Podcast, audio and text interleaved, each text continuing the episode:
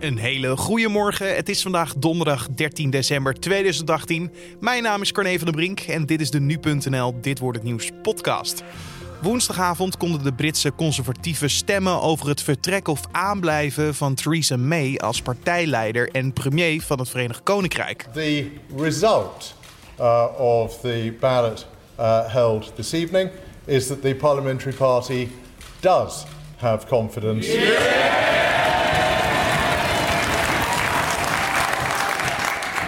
Does have confidence in Theresa May as leader of the Conservative Party. May kreeg steun van 200 partijleden, maar alsnog stemden 117 leden tegen haar. Een aanzienlijk aantal.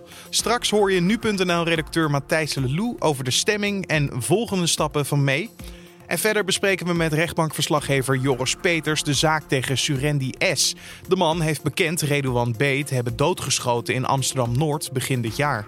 Ondanks de bekentenis is er nog veel onduidelijk, maar mogelijk komt daar vandaag verandering in. Maar nu eerst kijken we naar het belangrijkste nieuws van nu.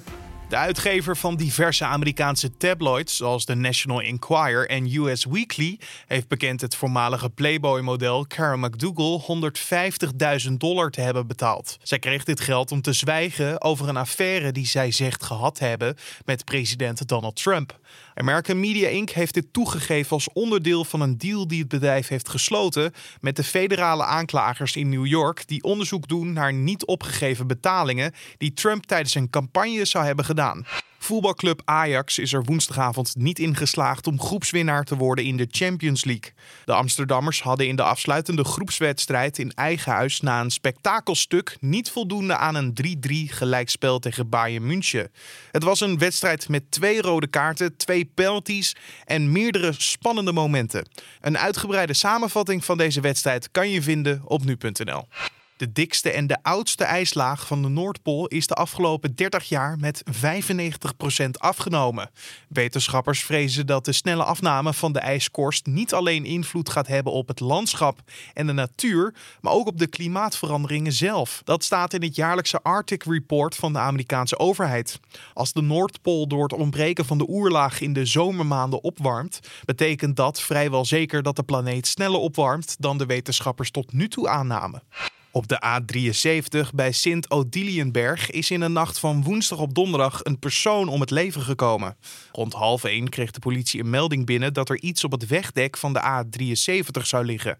Dit bleek een lichaam te zijn, schrijft de politie. Ook heeft de politie in een maisveld in de buurt van de weg een auto gevonden met daarin een zwaar gewonde. Een traumahelikopter kwam ter plaatse om de persoon te behandelen. Maar wat er precies is gebeurd is nog onduidelijk. Supermarkten Aldi en Lidl gaan volgend jaar geen staleenden meer verkopen uit Frankrijk. Dat stelt dierenwelzijnorganisatie Wakker Dier. Deze Franse eenden zijn populair tijdens de kerstdagen, maar hebben volgens Wakker Dier een erbarmelijk leven. Zo leven ze met duizenden op elkaar in een dichte stal op roostervloeren en worden hun snavels gekort om verwondingen en cannibalisme tegen te gaan. En dan kijken we naar de dag van vandaag, oftewel dit wordt het nieuws. De Britse premier Theresa May kan aanblijven als partijleider van de conservatieven. Tijdens een vertrouwensstemming liet 200 lagerhuisleden weten de premier te steunen. 117 leden zagen May het liefst vertrekken, maar trokken aan het kortste eind. Je hoort nu.nl-redacteur Matthijs Lelou in gesprek met Julian Dom over wat May vooraf aan de stemming zou hebben gezegd. Dat uh, weten we niet helemaal precies, maar er is wel het een en ander uitgelekt via parlementariërs uh, die na afloop met de pers praten ja, premier May die uh, maakte eigenlijk een, een, een, vrij emotioneel betoog uh, van de verschillende parlementariërs. Ze zei niet zo heel erg veel verrassends, maar ze benadrukte wel dat er enorme risico's aan zouden zitten om, om zo vlak voor de brexit, een van de grootste politieke operaties uit de menselijke geschiedenis, om, om, om de leider af te zetten. Dus ze, ze drukte de parlementariërs op het hart om dat toch vooral niet te doen. En May heeft ook gezegd uiteindelijk te hebben geluisterd naar leden die tegen haar hebben gestemd, 117 stuks This has been a long and challenging day, but at the end of it, I'm pleased to have received the backing of my colleagues in tonight's ballot. Whilst I'm grateful for that support, a significant number of colleagues did cast a vote against me, and I've listened to what they said. Zo wil uh, nu garanties en toezeggingen van Europese leiders. In hoeverre is daar eigenlijk ruimte voor? Die ruimte die is uh, zeer beperkt. Uh, verschillende Europese leiders, onder wie de Europese Commissievoorzitter Jean-Claude Juncker en de Duitse bondskanselier Angela Merkel, maar goed, ook nog verschillende andere leiders, die hebben al gezegd dat er voor heronderhandeling van de uitredingsovereenkomst met het Verenigd Koninkrijk eigenlijk geen ruimte is. Ze zijn bereid om, om wat, wat, wat toezeggingen te doen. Waar die precies uit uh, zullen bestaan, dat uh, is niet helemaal duidelijk. Maar er wordt telkens benadrukt, we gaan niet heronderhandelen. We gaan deze overeenkomst niet meer op fundamentele punten aanpassen. Wat kan zij nu dan nog eigenlijk? Want uh, aan de ene kant wordt ze dus klem gezet door haar eigen partij, door het parlement ook. En nu mag ze wel aanblijven, maar Europa werkt niet mee met wat de Britten natuurlijk willen. Ja, eigenlijk is uh, de stemming, uh, die heeft niet zo heel erg veel invloed op uh, het verdere Brexit-dossier. Als Theresa May had moeten vertrekken, dan, dan was die invloed een stuk groter geweest. Maar eigenlijk staan we nu waar we ook al stonden. Premier May die weet op dit moment nog niet genoeg steun te mobiliseren in het Britse lagerhuis om haar Brexit-overeenkomsten doorheen te krijgen. Het lijkt er niet op dat dat in de nabije toekomst gaat veranderen. Niet alleen leden van haar eigen partij. En je moet eraan denken dat toch een derde van haar collega's heeft gezegd nu vanavond dat ze geen vertrouwen hebben in haar als leider. Nou, dat is natuurlijk een veeg teken voor die stemming in het lagerhuis. Daarnaast uh, hebben ook de oppositiepartijen, zoals uh, Labour, de Scottish National Party en de Liberal Democrats al gezegd dat ze die overeenkomst niet gaan steunen. Dat gaat ook niet veranderen als er op minieme punten wat, wat toezeggingen uit Europa komen. En belangrijker nog, de Noord-Ierse Democratic Unionist Party, een oerconservatieve partij uit Noord-Ierland, die houdt het kabinet van, van premier May met gedoogsteun overeind. Want het gaat om een minderheidskabinet. Ja, die hebben ook gezegd dat, dat de Ierse grenskwestie, zoals die nu geregeld is in die uitbreidingsovereenkomst, dat die echt totaal niet acceptabel is. En dat ook daar fundamentele veranderingen moeten komen, wil de DUP achter Theresa May blijven staan. Ja, die fundamentele veranderingen die worden dus door de Europese leiders uitgesloten. Is er dan nog wel een lichtpuntje aan het einde voor de tunnel over deze kwestie voor Theresa May, Matthijs? Dat is uh, heel moeilijk te zeggen. Het, lichtpuntje is natuurlijk wel dat ze uh, voorlopig mag aanblijven. En dat uh, de komende twaalf maanden kan er geen vergelijkbare leiderschapsstrijd worden ingezet. Dat is volgens de regels van de conservatieve partij. Kijk, staat ze nu eigenlijk twaalf maanden lang, heeft ze een soort van vrijbrief wat dat betreft. Maar uh, ja, het Brexit-dossier zit nog steeds zo muurvast als, uh, als voorheen. Dus, dus ja, wat dat betreft uh, zien, zie ik momenteel nog geen lichtpuntjes. May heeft ook eerder op woensdag gezegd zich niet opnieuw herkiesbaar te stellen bij de volgende verkiezingen in 2022.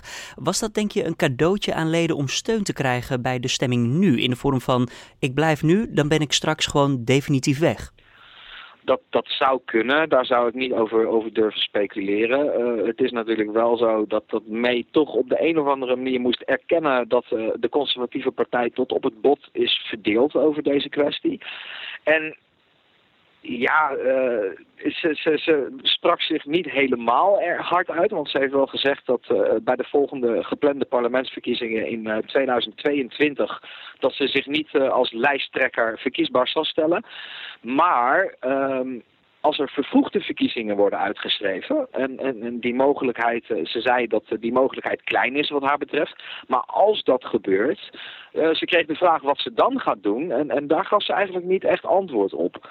Dit is dan nu de stand van zaken op dit moment. Maar als we even naar uh, ja, vooruit kijken. Deze donderdag en vrijdag een Europese top. Wat is nu de volgende stap, Matthijs? Premier May krijgt niet veel tijd om van haar overwinning in deze confidence vote uh, te genieten. Ze moet uh, naar Brussel toe om daar met de Europese Raad te gaan spreken. Daar zal ze proberen om, om wat van die toezeggingen en garanties los te krijgen. Die haar uitredingsovereenkomst verteerbaarder moeten maken voor de leden van het Lagerhuis. Dus we gaan zien wat zij in Brussel voor elkaar krijgt. En of het mee zal lukken om toezeggingen te krijgen van de EU-leiders, lees je uiteraard op nu.nl. En je hoorde Matthijs Lelou. De 40-jarige Surendi S. heeft bekend afgelopen maart in Amsterdam-Noord Redouan B. te hebben doodgeschoten. Het slachtoffer was de broer van Nabil B., die een week eerder door het Openbaar Ministerie werd gepresenteerd als kroongetuige in een onderzoek naar een reeks geruchtmakende liquidaties en pogingen daartoe. En vandaag begint de inhoudelijke zitting. Jurendi S. heeft gezegd in gesprek te willen met de rechtbank. Maar wat kan dat betekenen? Dat vraagt collega Julian Dom aan rechtbankverslaggever Joris Peters. Ja, dat is, een, dat is een goede vraag. Daar ben ik zelf eigenlijk ook wel heel erg benieuwd naar. Want uh, de grote vraag is natuurlijk een beetje van wie heeft hij de opdracht gekregen om uh, de broer van de kroongetuige uh, te vermoorden. Hij heeft al bekend dat hij het heeft gedaan. Maar hij wil niks zeggen over wie hem dan dat verteld heeft dat hij dat moest doen. Dus ik ben benieuwd wat hij, wat hij dan in gesprek uh, gaan noemt met de rechtbank en wat hij dan wil gaan vertellen. Want OM heeft, heeft ook nog niks gezegd hoe, of zij daarover bewijs hebben of een getuigenis in Nou ja, het Openbaar Ministerie vermoedt wel dat de opdracht komt uit, uit de veelgezochte, uh, de meest gezochte man op dit moment in Nederland, uh, Ridouan Taghi. zij zeggen dat de, de opdracht kwam uit de organisatie rond deze man. Uh, maar goed, dat is nogal vaag. Hè? Dat is, dat is niet een echte. Ze hebben dat niet in de sms'jes over, overhandigd. Maar misschien dat ze dat tijdens de inhoudelijke behandeling wel kunnen doen. Maar dat ben ik wel benieuwd naar.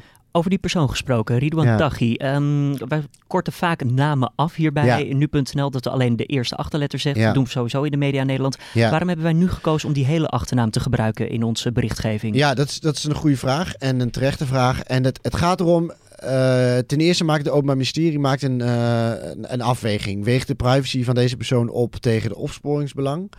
Uh, dan kiezen zij ervoor om dat niet te doen. En dan brengen ze dat naar buiten, zijn volledige naam en foto's. En dan maken wij als nu.nl zijnde een afweging. in hoeverre gaan wij hierin mee? En dan is bij ons het idee: oké, deze man wordt verdacht van zulke misdaden. en er zijn zulke concrete aanwijzingen dat hij daarvoor verantwoordelijk is dat wij ook in dit geval kiezen uh, voor het opsporingsbelang. Laat ik het zo maar even omschrijven. Om ook zijn volledige naam te noemen en ook zijn foto. De advocaat van Taghi die heeft al gezegd van nou weet je, hij gaat zich niet melden bij de politie. Hij verwacht nee. geen eerlijk proces. Nee, ja, de, ik bedoel, als ik hem was, zou ik mezelf ook niet melden, moet ik heel eerlijk zeggen. Um, ja, hij verblijft waarschijnlijk in het buitenland.